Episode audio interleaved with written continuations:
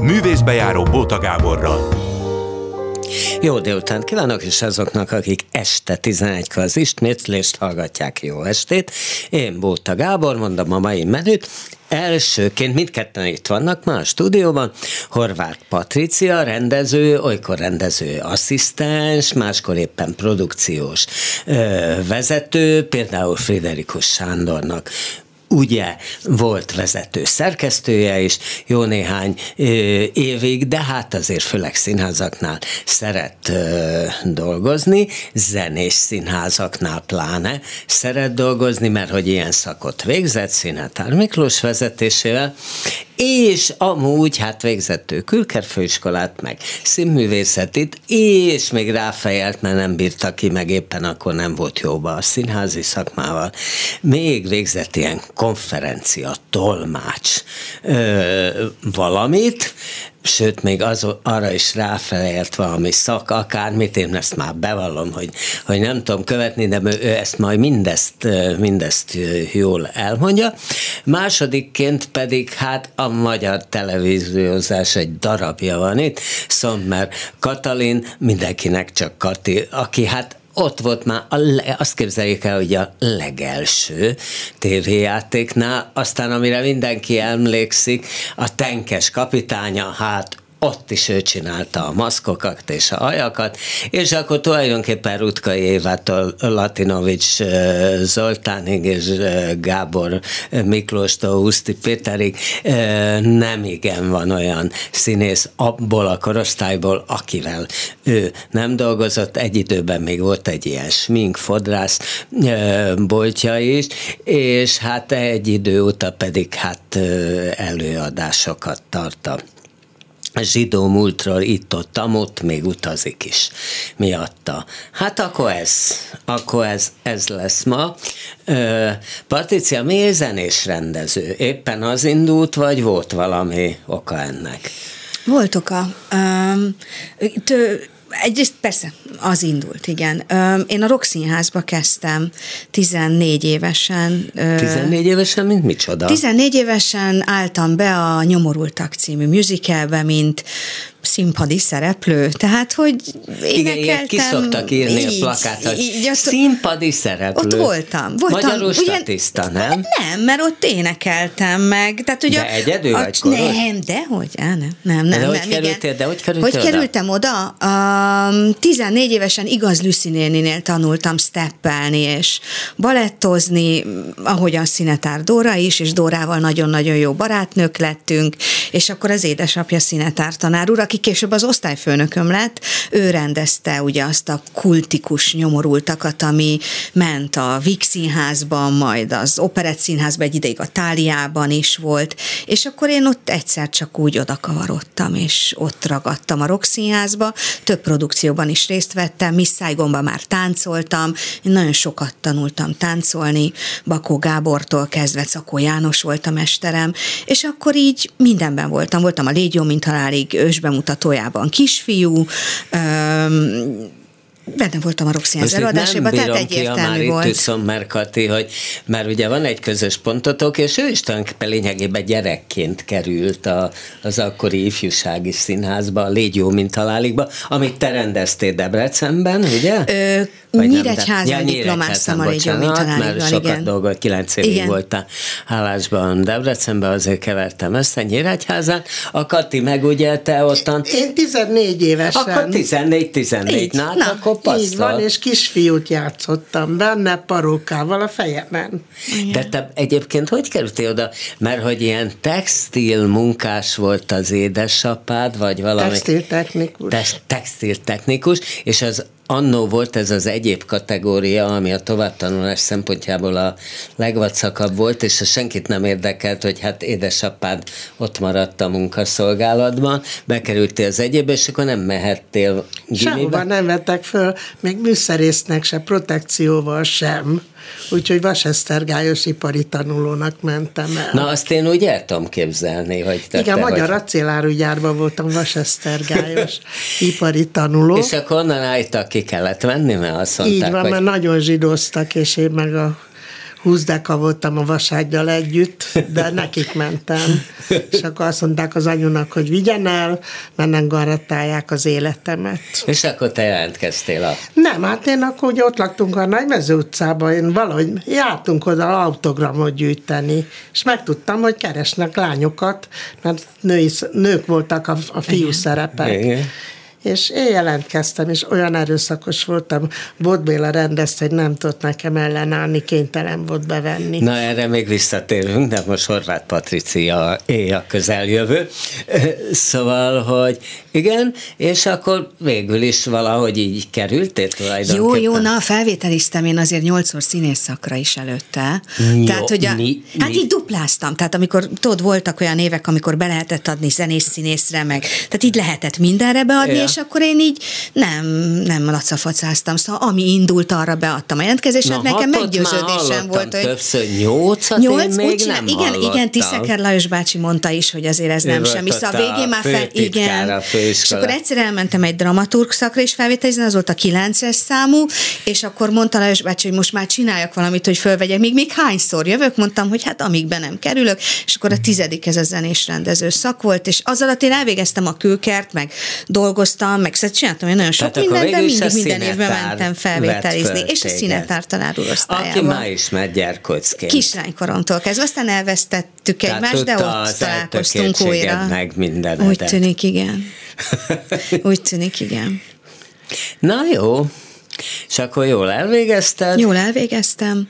Kicsit szabadúztam, tehát voltam Nyíregyházán, voltam Szolnokon, rendeztem előadásokat, és aztán leszerződtem Debrecenbe, mert én ilyen Szóval én nagyon társulatba vágytam. Én visszavágytam abba az állapotba, amit a Rokszínházban megismertem. Egy kicsit ilyen kibucvilág volt ez a Rokszínház. Ott léteztünk, ott éltünk, ott voltak a kutyák, a gyerekek reggeltől estig, közbe voltak balettórák, próbák, felismentünk a színpadra, le is jöttünk a színpadról, de lényeg az, hogy egy ilyen csodálatos együttlétezés volt, és én ezt, ezt, ezt nagyon vágytam. Tehát ez a szabadúszás nem volt annyira ínyemre. És te ott és tulajdonképpen minden, kvázi ilyen, nem tudom mi volt a munka, akkor még volt munkakönyv, ugye, hogy mi volt beírva, de ott te kvázi ilyen mindenes voltál, tehát tényleg asszisztens is voltál, de Minden. rendeztél is, és az állítólag az összes fesztivált, a Deszka fesztivált, Minden. ahol a Lokhat hatszor, ahol ugye a kortárs Igen. magyar dráma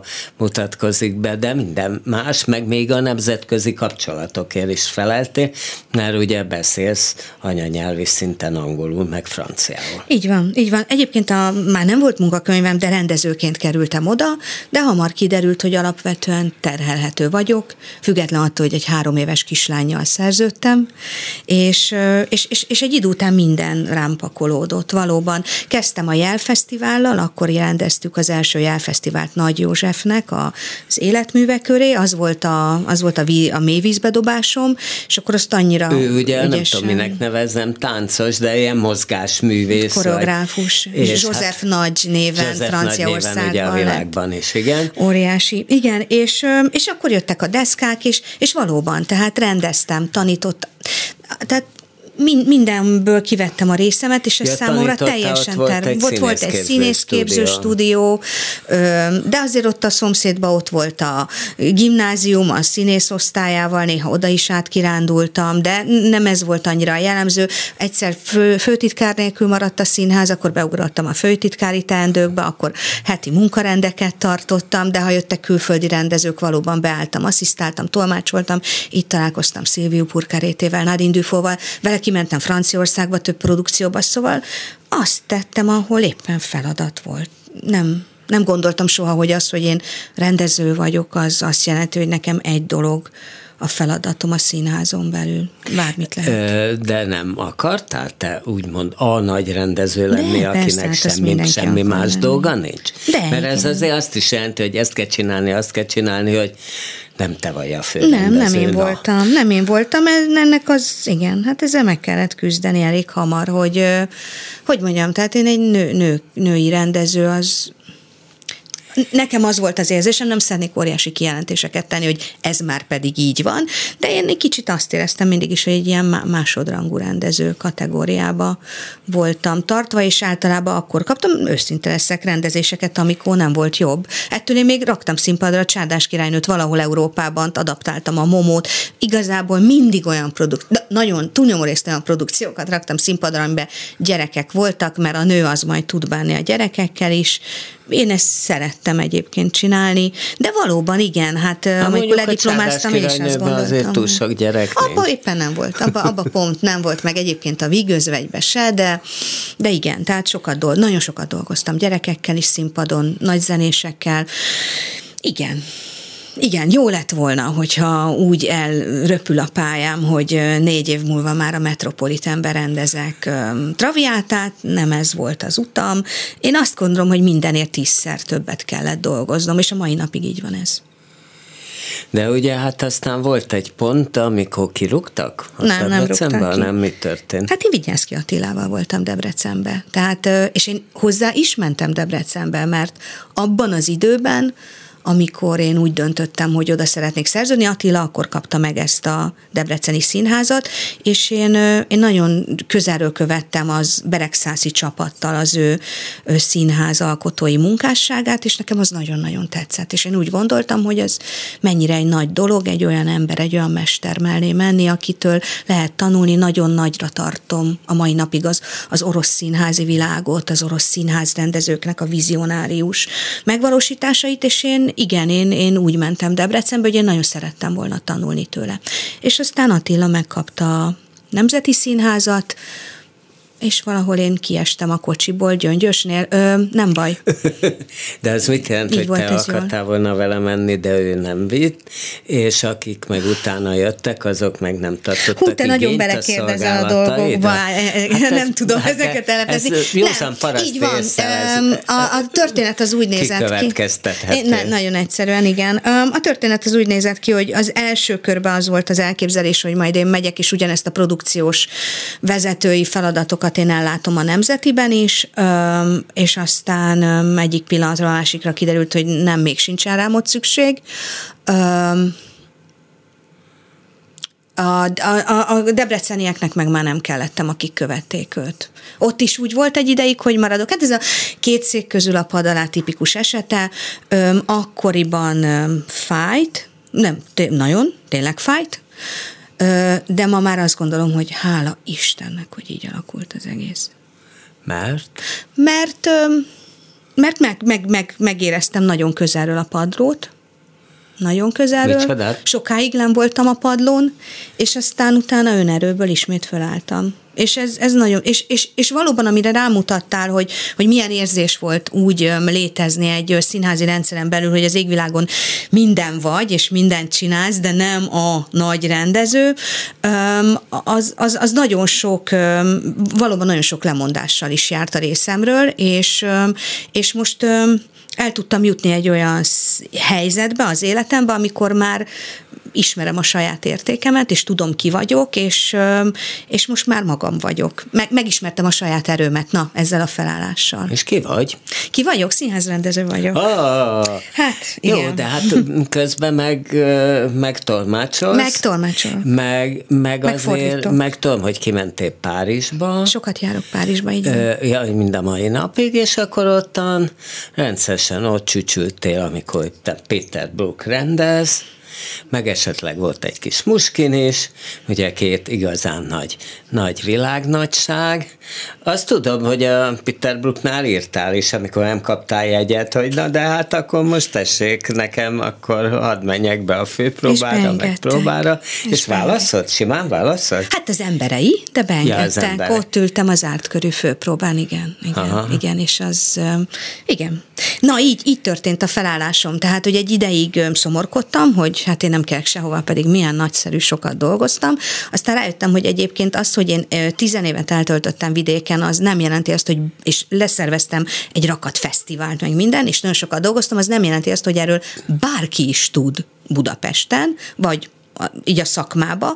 A szakmába egy idő után már tudták, hogy ki vagyok, de ettől még ez nem jelenti azt, hogy a telefonom nem némult el, és akkor, és akkor én elindultam, és azt mondtam, hogy jó, hát akkor nézzünk szét a világba, nézzük meg, hogy a mesterek merre vannak, kiktől lehet tanulni, és, és valóban kimentem. De ez nem jelenti azt, hogy én rúgnál minden nap ott ültem, szóval ez... ez de az sokat, de, de és ezzel Franciaországban voltál rendezőasszisztens. Én rendezőasszisztensként dolgoztam, nem Párizsban, Na. hanem főleg Avignonba, az Avignoni Operaházba voltam több produkcióban, meg az Orange Opera Fesztiválon, meg Tour, meg Ránsz városába, különböző operaprodukciókban, igen, igen, igen. Na, nagyszerű munka volt, mert érdekes módon, független attól, hogy zenés rendezőként rendeztem, operát nem rendeztem, és, és ez, egy, ez egy nagyon jó alkalom volt, hogy egyet hátralépjek, és az, az asszisztensi pozícióból szemléljem azt, hogy mondjuk egy Orange Opera Fesztiválon hogy húz fel egy rendező szupersztárokkal tíz nap alatt egy bohém életet a legnagyobb karmesterek egyikével, és Jung Chung. Azt, azt tényleg az egy, az egy nagy iskola volt. Na, és Na. akkor haza... És akkor hazajöttem, igen, és... De közben egy kicsit tolmácsoltál. Az úgy volt, az hogy amikor... kiknek egyébként ez, ez a ö, konferencia tolmácsolás, az nem, kiknek? Az, az úgy történik, hogy Magyarországon nem számlátszhatsz tolmácsolást meg fordítást, hogyha nincsen róla diplomád.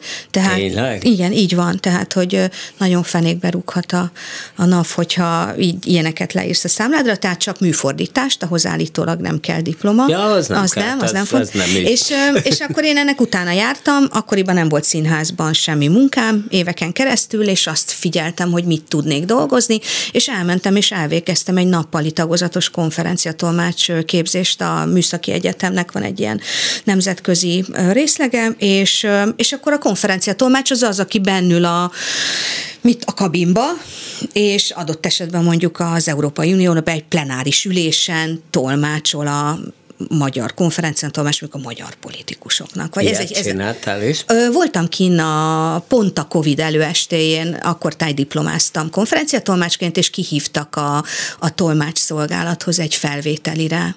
Tehát én voltam felvételizni az EU-ba, mint angol-francia konferencia tolmács, igen. De aztán nem Nem vettek fel, azt mondták, hogy nagyon élettel teli a hangom a mikrofonba, és felrázom a hallgatóságot. Egy picit tudnék, mi álomból? tudnék egy kicsit, ne, ez most valami ilyesmit mondtak, de, de alapvetően akkoriban mindent le, lezáródott a Covid miatt, tehát hogy a Egyébként most ugye a Színházi Olimpián volt egy-két tolmácsolással, mert nem sok, mm. tehát most már a feliratad Igen, igen de de nagyon sokat tud rontani egy, egy előadást tolmácsoló, mármint színházi előadást tolmácsoló, és ebben most viszont volt részünk, az a helyzet, hm. hogy, hogy, hogy ilyen, annak nem, az meg ilyen álmatag hangon így mondta, kicsit olykor lekésett a szövegekről, kicsit izé. Tehát, hogy nagyon nem mindegy. Nyilván nem. az se jó tényleg, hogyha annyira élénk, hogy elvonod a figyelmet arról, aki beszél, aki tulajdonképpen tolmácsot, mert a te hangod mondjuk élettel teli.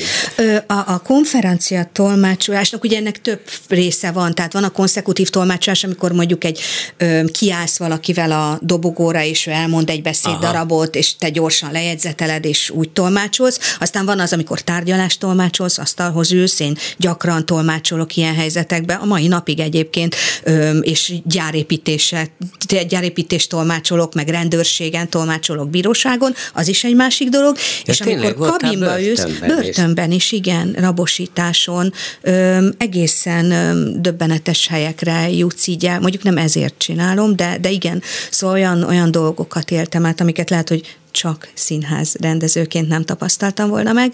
A konferencián a kabin az egy nagyon magányos hely. A, a kabinban, amikor egy mikrofon van előtted, és pörög és egy fülesbe kapod, és abban a pillanatban az agyadnak váltania kell, és neked beszélni, az egy olyan csatornállapot, olyan sokat megtudsz a saját stressztűrésedről, arról, hogy, hogy milyen az, amikor a messzi múltból kell visszahozzá szavakat, mert ugye a tolmács az mindig a, a hosszú távú memóriájából tolmácsol. Egy tegnap megtanult szót, azt úgy felejtek el a kabinba, mintha soha nem lett volna.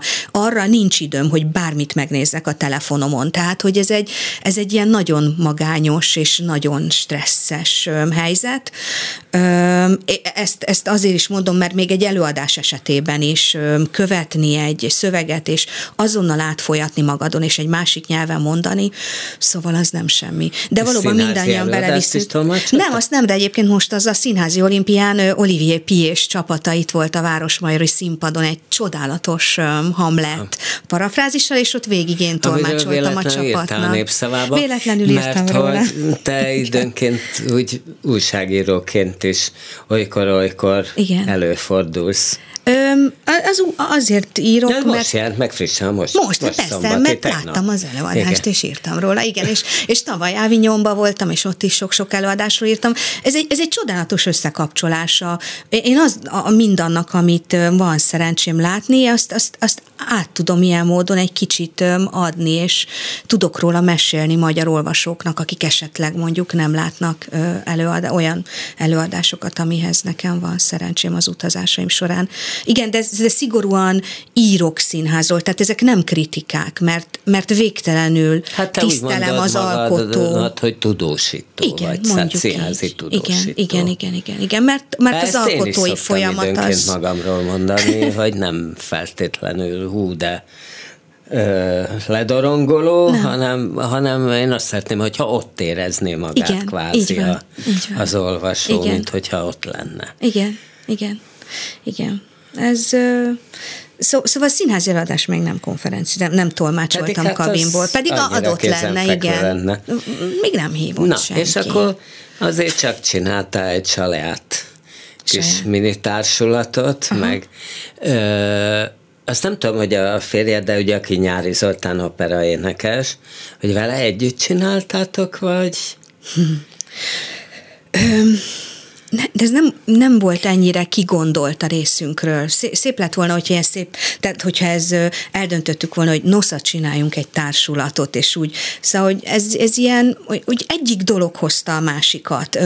Láttam az előadásokat Franciaországban, nagyon jó előadásokat láttam, és akkor egyszer csak azt gondoltam, hogy miért is ne fordíthatnám le ezeket, és hozhatnám be Magyarországra, és akkor, akkor egyszer csak arról beszélgettünk Zolival, amikor már lefordítottam, a Covid alatt fordítottam így előadásokat, kvázi unalmamba mondhatni, ilyen megtartó erőként, hogy, hogy mi lenne, hogyha ezeket mi, mi raknánk szembe. Ez, ez volt a kérdés, hogy szerinted ez ki érdek, kit érdekelne ez az előadás? Kinek mutassam meg, milyen igazgatóhoz vigyem?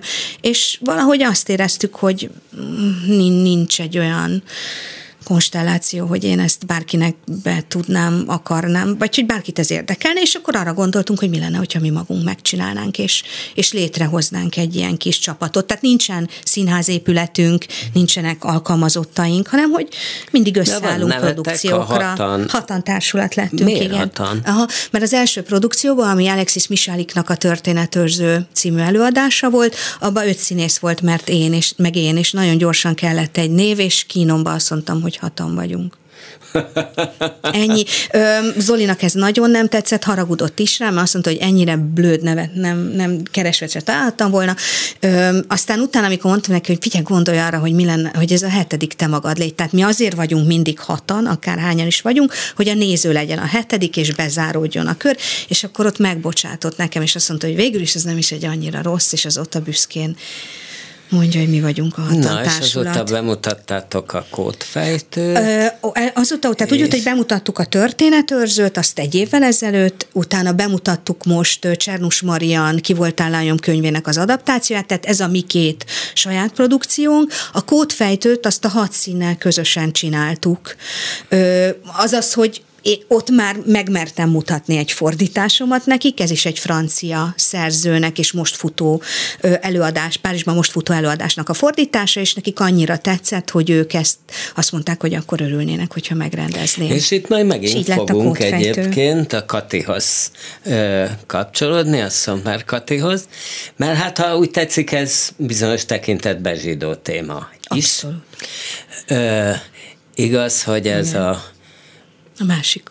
ez az úgymond kódfejtő, aki hát megfejtette ennek az Enigma nevű ö, náci ö, gépnek a kódját, amivel minden nap kódolták tulajdonképpen a hát kvázi a hadüzeneteket és minden, tehát a, a saját belső és ezzel állítólag azt honnan lehet tudni, hogy tulajdonképpen hát egészen azt állítja a szórólap, hogy 14 millió embert mentett meg, sőt, hogyha ez nincs, akkor, akkor esetleg a németek megnyerik a világháborút. Ez azért nagyon merész állítás. Hmm.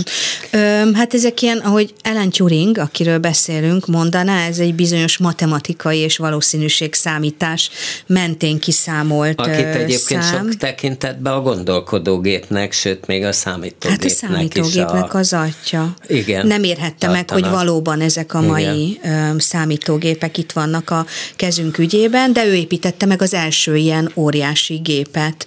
Ö, igen, ez egy ilyen valószínűségszámítás, ö, főleg a, a tenger alatt járó hadjárat háborúban volt ennek az enigmának óriási jelentősége, és akkortól tudták, Turing is akkortól tudott ezzel mit kezdeni, amikor sikerült egy-két olyan hadihajót, talán tenger alatt járót elfogniuk, amibe érintetlenül a kód, kódoló helységeket át tudták emelni, és lett egy-két enigma alappéldányuk.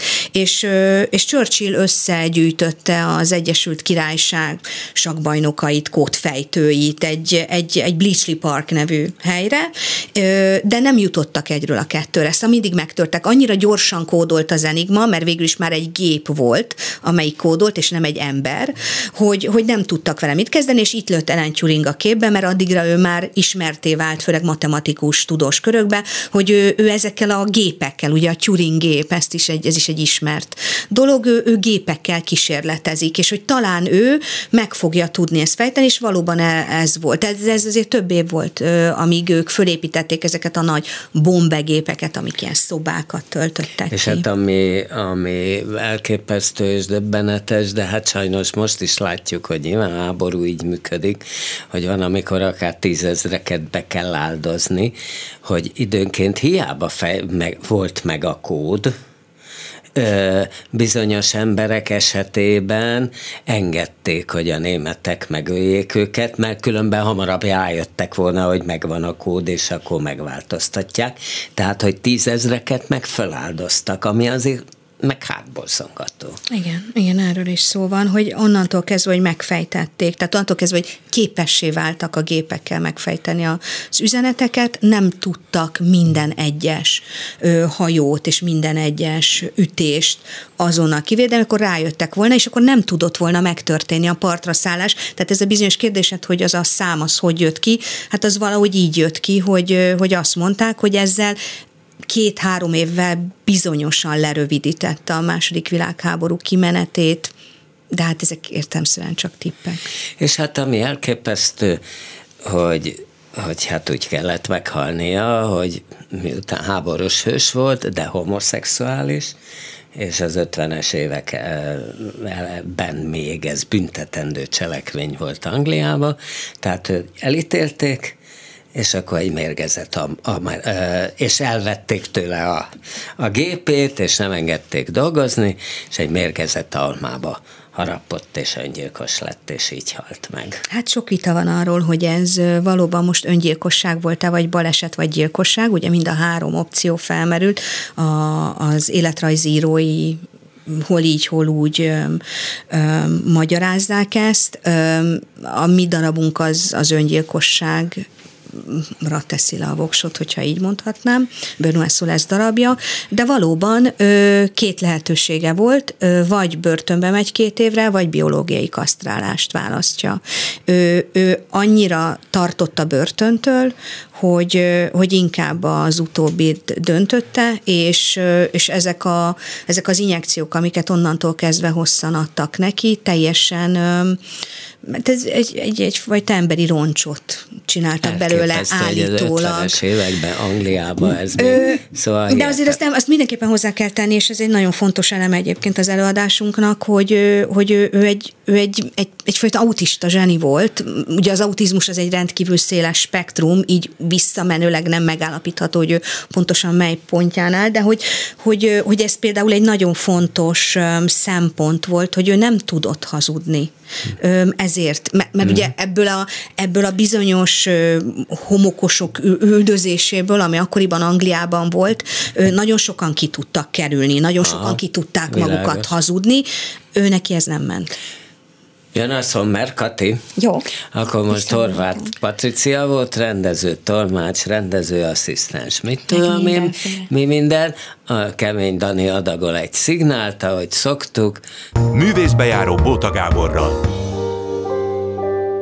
És akkor Sommer Kati, aki maszkmester, és hát ott volt a TV hőskorában, és már a tenkes kapitányának a szereplőit is jól megagyusztálta, és minden nagy színésszel ö, dolgozott, Márkus Lászlótól, Rutkai Éváig és Latinovics Zoltántól. Például Latinovicsal egy bánkbánban, nem is emlékszem, hogy a Latinovics volt például bánkbán, de egy tévéjátékban volt.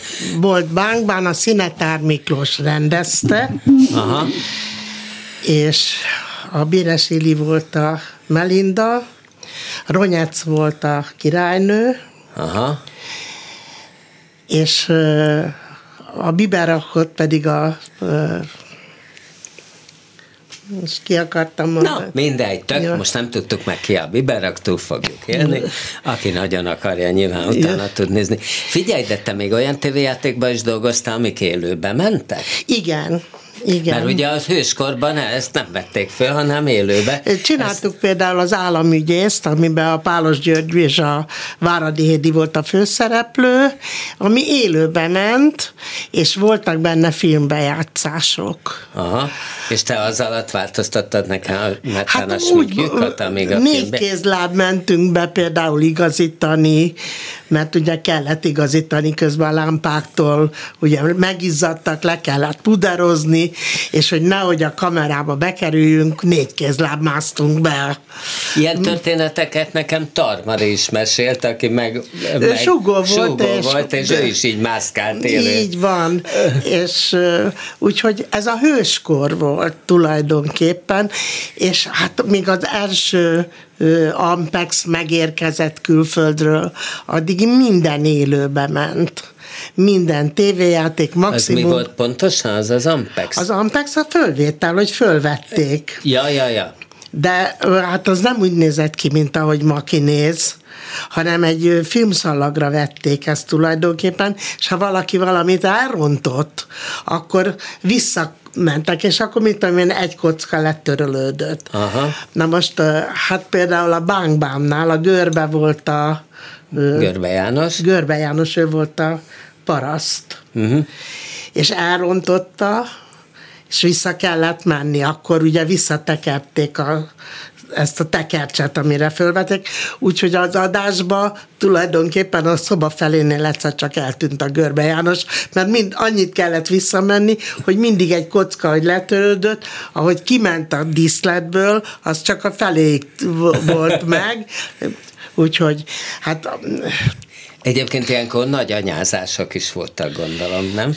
Hát az az igazság, hogy nem is tudom neked elmondani, szóval olyan izgalom volt. Azt tudom, hogy én kísérleteztem ott egy kopaszparóká, a mensáros volt a biberach, és a mensárosnak volt egy kopaszparókája, mert a színetár azt mondta nekem, hogy ebben van a szövegben, hogy egy pár szál haj, úgyhogy kopasz legyen csak egy pár szál haj, és én egy gumival kísérleteztem, ami úgy történt, hogy ugye lesminkeltem, ráment a puder. Az a lentes minkszobában gyönyörű volt, mire fölértem a terembe, a gumi beszívta magába a festéket, és a puder úgy nézett ki, mint egy szikes talaj. és hát a színetár magán kívül volt, azt mondta, de ezeket a amatőr tempókat kikérem magamnak. Kérdezték, hányra kell holnap jönnie a mensárosnak, mondta a Latinovics. Hát jó korán, mert két és fél órát tart a feje szikesítésre. A Sikigor volt az operatőr, és van az a jelenet, hogy a Viverachot lelökik amikor meghal.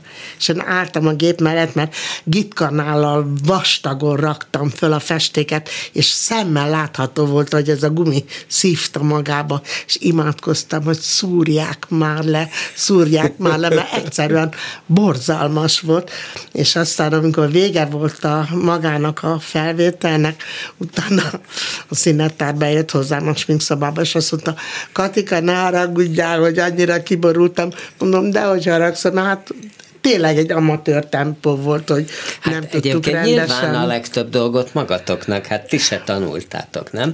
Hát, hát én ezt mégis... az egész szakmát úgy tanultam meg menet közben, mert én nem jártam, nekem fodrász vizsgám nincs. Én ja, nem, fodrász vizsgám Én nem jártam fodrász iskolában, nekem csak egy mesterlevelem van, Aha.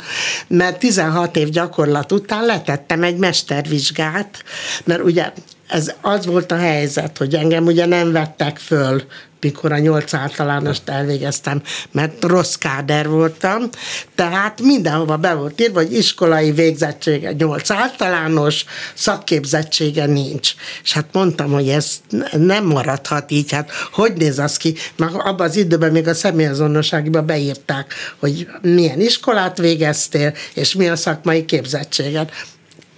És akkor én este... És akkor talán már osztályvezető is voltál, Hát hogy ne, vezető maszkmester voltam a tévében, és az igazolványomban az volt, hogy nyolc általános szakképzettsége nincs. és akkor estin én leérettségiztem, hogy legalább legyen egy érettségim, és 16 éves szakmai gyakorlatot igazolva elmehettem egy mestervizsgára. Tárnoki Laci bácsi, egy nagyon híres fodrászmester volt, ő volt a Mestervizsga Bizottság elnöke, és így lemestervizsgáztam, úgyhogy szakképzettségem nincs, de a végzettségem női fodrász mester. Na, jó, hát akkor nem mehettek hozzád. De nagyon régóta De van. az az igazság, hogy mi voltunk az ugye... első ilyen, akik női fodrász mestervizsgát tettek, mert akik előttünk voltak, azoknak férfi fodrászatból is le kellett vizsgázni, és még én tanultam lufbalmon borotválni, de... Mi, mit csinál? Mit csinál? Luf, hát a borotválni kellett a férfi fodrászoknak, rendes borotválval, ja, ja, ja. késsel, és lufbalmon tanultunk. Ja, Luftballman, ezt nem, ezt Így nem van, Luftballman tanultuk, de az volt a ja, szerencsé. úgy, hogy nem volt szabad, hogy elpukkanjon Így van, a Luftballman kellett megborotválni. Ha elpukkad, akkor hát megvágtad a kuncsaftot. Így van, úgyhogy, de aztán az volt a szerencsém, hogy akkor azt mondták, hogy külön vizsgáznak a férfi fodrászok külön, és akkor én nekem csak nőiből kellett. Mert abból Na, de hát biztos... hát férfiakat is csináltál. Zsidalba. De nem kellett borotválnom. Hát borotválni nem, de, de, de, hogy ne. De hajat, parókát, Parókát, hajat, sminket. mindent csináltam, sőt, hát én jártam Szegedre, a Szegedi Szabadtérin csináltunk Lír királyt, csináltunk Bánkbánt, és csináltam, ott a Vámos László rendezte a Lír királyt, Vesenyei volt a Lír király, és Gábor Miki volt a bolond és aztán ezt behozta a televízióba. És hát ugye itt újra meg kellett csinálnom az összes maszkot. És hát, hát egy csodálatos ősz oroszlán fejet csináltam a, a, a Besenyei volt a lírkirály, és hát az történt, hogy a felvétel előtti nap a Vámos bement az angol követségre, ahol levetítették neki a schofield a Lír király című filmet, és bejött a maszkpróbára, és azt mondta, hogy nyírja meg a besenyei parokkáját, nem egy ilyen szikárabb. Hát én megnyírtam. Na most képzeld el, hogy ez úgy volt megcsinálva, hogy egy őszparóka, amiben ilyen sötétebb csíkok voltak, de amikor ugye megnyírtam, ez úgy nézett ki, mint az oroszlánnak a sötét foltok a fején. Hát azt mondták, ez borzalmasan néz ki, fújjam le őszhajlakkal. Hát az egészet lefújtam őszhal, borzalmasan. Úgy nézett ki, mint szóval egy... egyre rémesebb lett. Rém, egyre rémesebb lett. Besenyei belenézett a tükörbe, és azt mondta, úgy nézett ki, mint egy nyugdíjas toronyőr. Világító toronyőr. Mondtam, hogy nem most kellett volna szólni, hanem amikor azt mondták, hogy nyírjalak meg, akkor kellett volna kiállnod magadért. Most meg már így borzalmasan És ilyenkor ki. nincs egy pótparóka, vagy valami? Nem, ebből vették föl, úgyhogy ha szokták ismételni, becsukom a szememet, borzalmas. Hát azért vannak, amikor az ember valamit elszúr. Hát velem egyszer-kétszer előfordult az életben. Na mondj még egyet, és utána mondj egy nagyon sikerültet. Te, megmondom neked, az életemnek a, egy nagyon nagy élménye volt. A játékost csináltuk, amiben a Súlyok Mária volt a öregasszony, biztos ismered a darabot. Vaséba volt a fiatal lány, ez olyan régen történt. És a Szőnyi Sándor rendezte a saca, Szőnyi G-nek hívták Igen, valami, Szőnyi- nem tudom miért volt Szőnyi G. G. Sándor. Igen, nem tudom miért volt G, És de... azt mondta nekem, hogy elegem volt már, hogy mindenkire térképet festetek, plastikus ráncokat akarok. Mondom, plaszt, plastikus ráncok, hát semmi anyag nem volt. Hát ugye Amerikából nem lehetett hozatni valuta kerete, nem volt a tévének. Kitaláltam, hogy volt egy gittünk, amivel ilyen műorokat csináltuk, hogyha azt fölmelegítem, fölkenem, az meg kihűl az arcon, és akkor abba belekarcolom plastikus ráncokat. Ez tényleg megtörtént, fölmelegítettem, fölkentem a művésznőre. Na most a súlyok, az egy olyan nagy művész volt, ült, egy szót nem szólt, de amikor ugye rákentem ezt a sziszeget, mert hát ugye azért ez egy meleg volt, ahogy én fölmelegítettem, és amikor megkötött, hát a száját nem tudta kinyitni. Hát sziszegtem, de, hogy azonnal szedjem le. És tudod, hát fiatal voltam még teljesen, úgy éreztem, hogy enyém a világ. Kiúztam magam, és mondtam, hogy művésznök kérem, ez egy kísérlet, és még csak az van kikísérletezve, hogy hogy kell föltenni. Na most nem tudod elképzelni, szóval El, amiket... el tudom képzelni a súlyokat. Na, Én elég az egyszer hozzá. találkoztam vele, de hát üvöltött egy, egy Úgy, jókorát hogy a maga meglehetősen mélyen bugó hangján.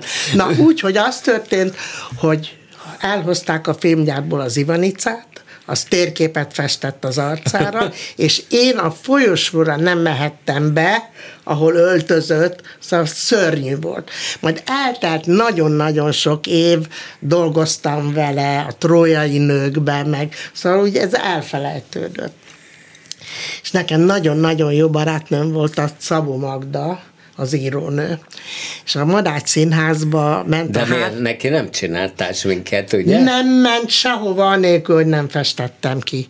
Ezt nem mondod? Sehova nem ment. Miért nem, nem tudta magát festeni? Nem, nem, én jártam hozzá föl a De Júlia napon- utcába. naponta? Hát akkor, hogyha kellett. Hát amikor a Madács Színházba a Sziránó órát csináltam a Huszti Péternek, és egy tévé felvétel volt, mert ugye este a irodalmi műsorba lement, és én azt mondtam a rendezőnek, hogy nem tudok holnap jönni, mert a Magda megy a parlamentbe, és muszáj, hogy kifessem. És azt mondta, hogy jó, akkor kezdünk egy órával később. Ne Emiatt? ennyire. Emiatt, hogy én ki tudjam festeni a Magdát, megérkeztem, ugye kifestettem, megérkeztem a színházba, hogy a Péternek fölrakjam a- az órát, mert fotózták, meg tévéfelvétel volt, és megkérdezték, hogy a tatarozás megvolt? Megvolt. És egy ilyen hosszú orrat hogy kell csinálni? Te, ez... Azt az ember azt gondolna, hogy ezt már rá, le kellett olyan, mint egy venni maszk, hogy rá, a, igen, a Péter orrát, ö, a sajátját, arra megformáztam a, a hosszú orrát, az, arról is levettünk egy gipszmintát, akkor ezt a megformázást leszettem az eredeti orráról, maradt egy üres rész, és abba egy kék komponenses gumival kiöntöttem az orrát. Az mi, mi az, hogy kék? Miért pont kék komponens? Két, kettő, ja, kettő, kettő, kettő komponens. Akkor már nagyot hallok, úgy látszik. Így van, Most két, már jön ez a korszakon. Nem, vagy én nem tudok rendesen beszélni. Úgyhogy egy két komponenses gumi, azt én Németországból hozattam, egy kinti maszk alapanyaggyártó cégtől, és ebből Na most azt például onnan tudtad, hogy ezt onnan kell hozatni? Hát onnan, hogy én egyszer kimentem Németországból, tudtam, hogy van ez a Kriolán nevű cég, azokhoz elmentem, és ott ezt a két komponenses gumit bemutatták nekem, mert ők el akarták adni. Nekem meg szükségem volt rá, és akkor ezt én hozattam.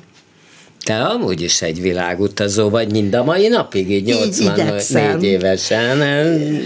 Nézd, arra gondoltam, hogy én nem vagyok hajlandó megöregedni, és amíg nem vagyok hajlandó megöregedni, addig megyek.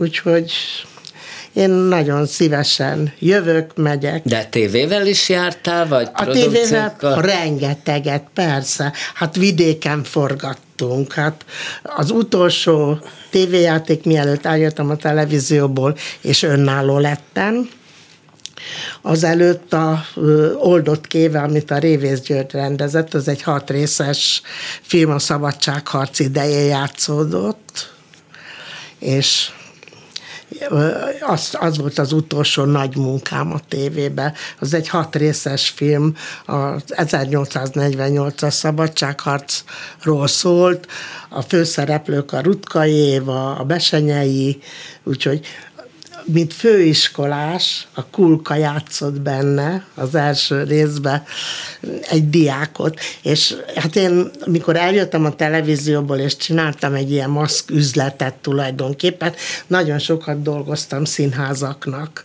vidék, főleg vidéki színházaknak, és a Lengyel György volt az igazgató Pécsen, és ha kellett darabot beállítani, hát én mindig mentem le. És egyszer a kulkával össze, hát ő akkor már az a szomszédok után volt. Mert ő minden... akkor Pécset játszott, például a Hamlet volt Pécset. Így van, és összetalálkoztam vele a liftnél, és mondtam, hogy hát elnézést kérek, de hát hagy mutatkozzak be, ha már így összetalálkoztunk. Azt mondta, Kati, ne hülyéskedj velem, mi ismerjük egymást. Mondom, mi? Honnan? Azt mondja, hát én játszottam a oldott kévébe, mint főiskolás. És amikor ismételték a filmet, akkor láttam, hogy tényleg játszott benne, de hát én a Besenyeivel, meg a Rutkai volt, Évával voltam elfoglalva, én nem figyeltem, hogy ki az a főiskolás, és hát ha úgy belegondolok, hogy a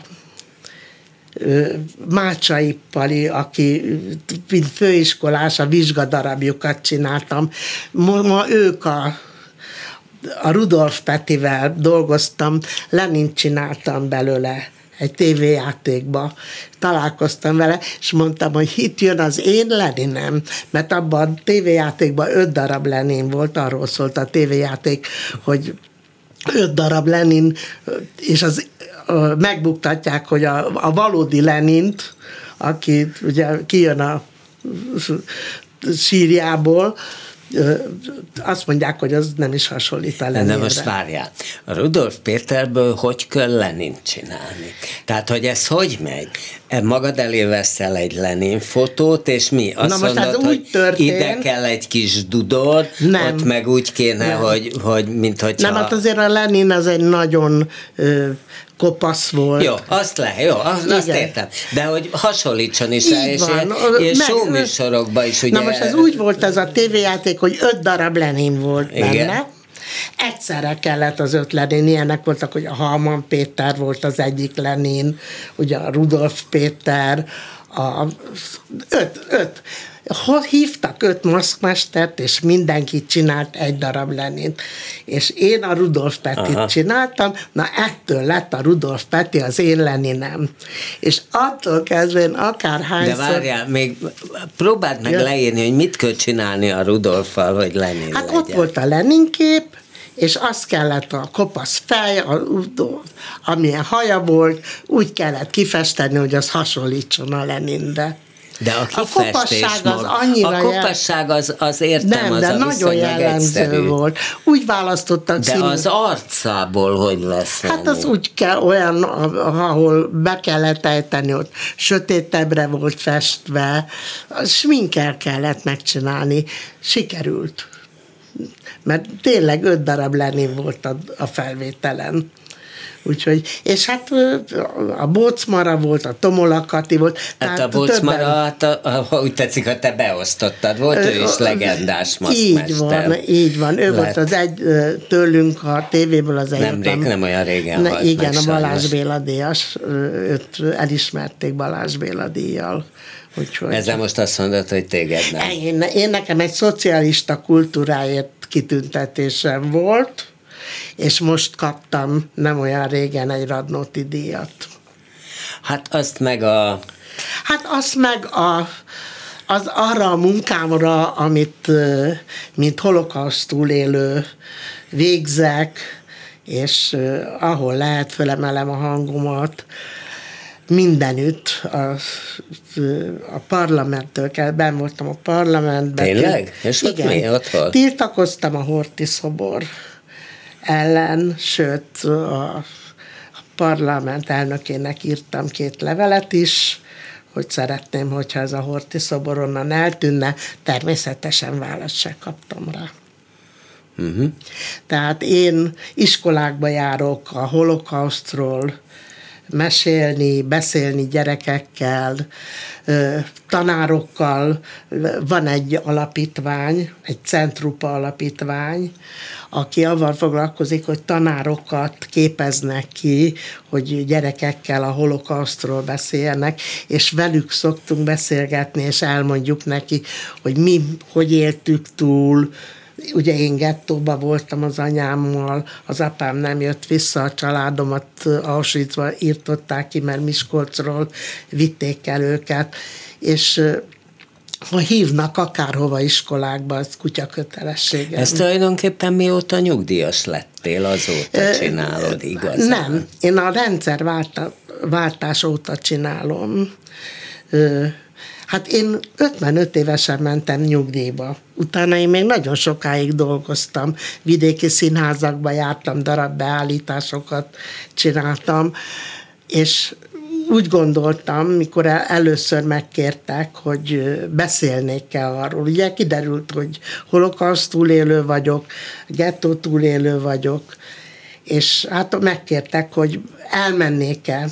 Úgyhogy például a 6-7 kerületi iskolákba jártam, ott kezdtem, aztán a Páva utcai Holokauszt Múzeumba, de például hoztak Németországból iskolás gyerekeket, és nekik is el kellett mesélnem, hogy hol voltunk, és hát különböző helyeken, ahol úgy érzem, hogy meg kell nyilvánulnom, én ott Hát megszólalok. téged, ö, ha jól olvastam, akkor Wallenberg mentett meg. Igen, Tehát, ez- hogy te már ott voltál a Dunaparton. Így van.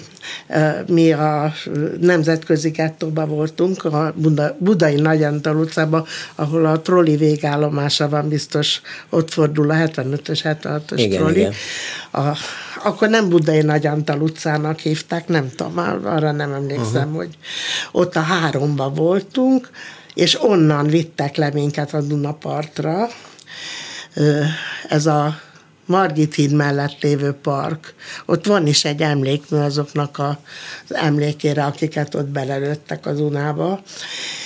De hát olyan hosszú sor volt, és mi a sornak nagyon a végén majdnem kint a Pozsonyi útnál álltunk, úgyhogy rengeteg gyerek volt, és olyan sírás-rívás volt ott, hogy valaki, soha nem derült ki, hogy ki, de valaki betelefonált a követségre, a svéd követségre, és a falember, hogy az az ember, aki oda kijött, én csak arra emlékszem, hogy egy ilyen magas férfi volt, hogy az a Wallenberg volt, ezt az anyu mondta el nekem már utána, hogy hogy történt, hogy, mert a sor elejét belelőtték a Dunába. Minket aztán visszazavartak a házba, ahonnan kihajtottak minket, és akkor délután, este, nem tudom, tél volt, és nagyon korán sötétedett abban az időben, behajtottak a nagy gettóba. És én arra emlékszem, hogy hat, hatodik éves voltam, hogy a Klauzát téren álltunk, ott adtak címeket, és így kerültünk mi el egy házba, de ott annyian voltunk egy földszinti lakásba, az Akácfa utcában, hogy az anyu megpróbálta, hogy szerez valami másik címet, és így kerültünk mi a Holló utca hétbe, egy nyomdának a házmester lakásába, vagy gondnok lakása. Egy ilyen szobakonyhás, földszinti lakás volt, amit karácsony, december 24-én éjszaka, amikor a Budapest kapott egy szőnyegbombázást, a légnyomás elvitte a fejünk fölül a tetőt és hát ott nem maradhattunk, mert ez lakhatatlan lett. Azt az éjszakát mi a nyomdának a fáspincéjébe töltöttük, és akkor az anyu szerzett egy másik lakást, ahova el tudtunk menni, de onnan meg el akarták vinni a nyilasok ilyen getton kívüli munkára. És onnan akkor az anyuval együtt, hát megszöktünk, az anyu megfogta a kezünket, és amíg a főlépcsőnél... Volt szed, egy öcséd. Az öcsém, igen, az egy évvel fiatalabb volt, mint igen. én. Két éve halt meg szegény. 56-ba fogta magát, és elment Amerikába. Úgyhogy mi akkor elmentünk egy kórházba, a Klauzár utcába, és tulajdonképpen január 18-án ott szabadultunk. Mi rögtön haza is mentünk, úgyhogy... És be is kell fejezzük. Így Pedig van. dumáltam volna még. Majd egyszer Na, majd szert teszünk még a, még a dologra. Szammer Kati, aki már a hőskorban, a tévé hőskorában ott volt maszkmester, de jó néhány színházban, és dolgozott volt a második vendég, az első vendég Horváth Patricia, aki konferenciatolmács, rendező, rendezőasszisztens volt, Friderikusnak a ö, vezető szerkesztője, és ki tudja még. Mi minden? Hát akkor ez volt ma a művészbejáró, ha van kedvük este 11-kor, hallgassák meg az ismétlést a hangpult mögött, ahogy általában most is kemény Dániel ült, és ahogy két hetente szokásos, a hírolvasó, hírszerkesztő Suba Krisztina, hallgassák meg vele a híreket a viszonthallásra.